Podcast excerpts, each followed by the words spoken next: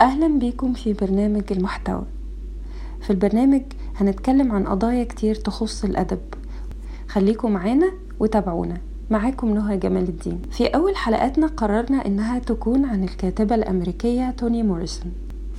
اختيارنا لتوني موريسون كان قائم على عدة أسباب. أولها إنها فازت بجائزة نوبل عن مجمل أعمالها سنة 1993 ثانيا إنها كاتبة نسائية من الطراز الأول عبرت عن قضايا النساء بأسلوب مختلف ورائع وخيالي وعظيم. وفي نفس الوقت كشفت الوجه القبيح للعنصرية في أمريكا ومعاناة السود منها.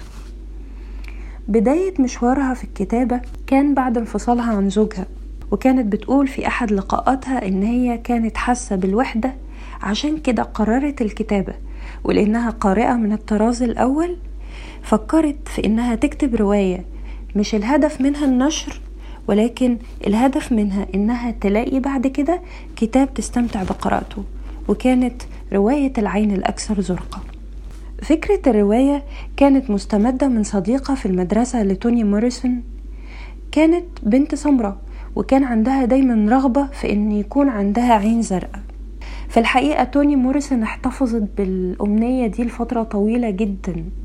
لحد ما قدرت تنقلها على الورق وحولتها الرواية واتنشرت سنة 1970 الرواية كانت بتناقش مفهوم الجمال وارتباطه بالعنصرية وتقييم الأشخاص وتصنيفهم تبع ملامحهم لدرجة إن بيكولا بطلة الرواية البنت اللي عمرها 11 سنة كانت كل أمنيتها إن هي تحصل على عين زرقاء. وده كان ناتج من مقارنة شكلها بالآخرين واللي خلق جواها حالة من حالات ازدراء الذات. بيكولا في الحقيقة كانت انعكاس لكل السود وانعكاس لكل أنثى بتحاول تعيش حياة إنسانية في المجتمع الأمريكي.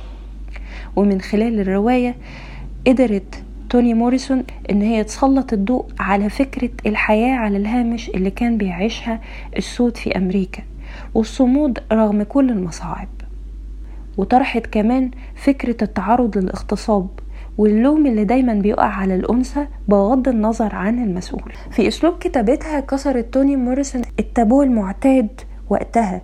أغلب الكتاب اللي بيتكلموا عن قضايا السود هم كتاب رجال وكان أسلوبهم بيتميز بالثورة والانفعال الدائم. في حفل حصولها على جائزة نوبل كانت الكلمة للمؤسسة المانحة بتقول عن توني موريسون إن هي تميزت رواياتها بقوة البصيرة والمضمون الشاعري الذي يمنح الواقع الأمريكي ملامحه الأساسية. ومن رواياتها اللي تم الاحتفاء بها كانت روايات صولة نشيد سليمان ومحبوبة. وفي حديثها لصحيفة الأوبزرفر بتقول إن هي لما بدأت كانت في شيء واحد بس كانت حابة تكتب عنه وهو التأثير المدمر للعنصرية على المرأة السوداء والطفل. وهم أكتر أفراد المجتمع اللي ملهمش حول ولا قوة وبيفتقدوا للحصانة والحماية. وبكده تحولت توني موريسون من كاتبة عادية إلى كاتبة بتدافع عن قضايا قومية وإنسانية في المقام الأول.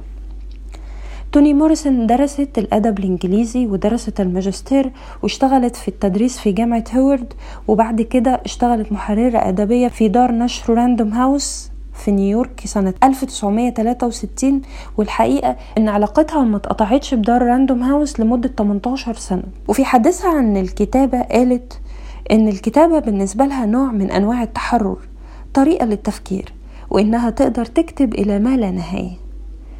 في 2015 كانت آخر روايات توني موريسون وهي ليكن الرب في عون الطفلة والحقيقة توفت توني موريسون وتركت ميراث كبير من الروايات وأدب الأطفال والمقالات. والأهم من ده إن هي سابت صوت لازال يدافع عن مفهوم الحرية والتحرر. كان معاكم نهى جمال الدين من برنامج المحتوى. يا ريت تشاركونا بأهم الكاتبات اللي بتفضلوهم أشوفكم على خير.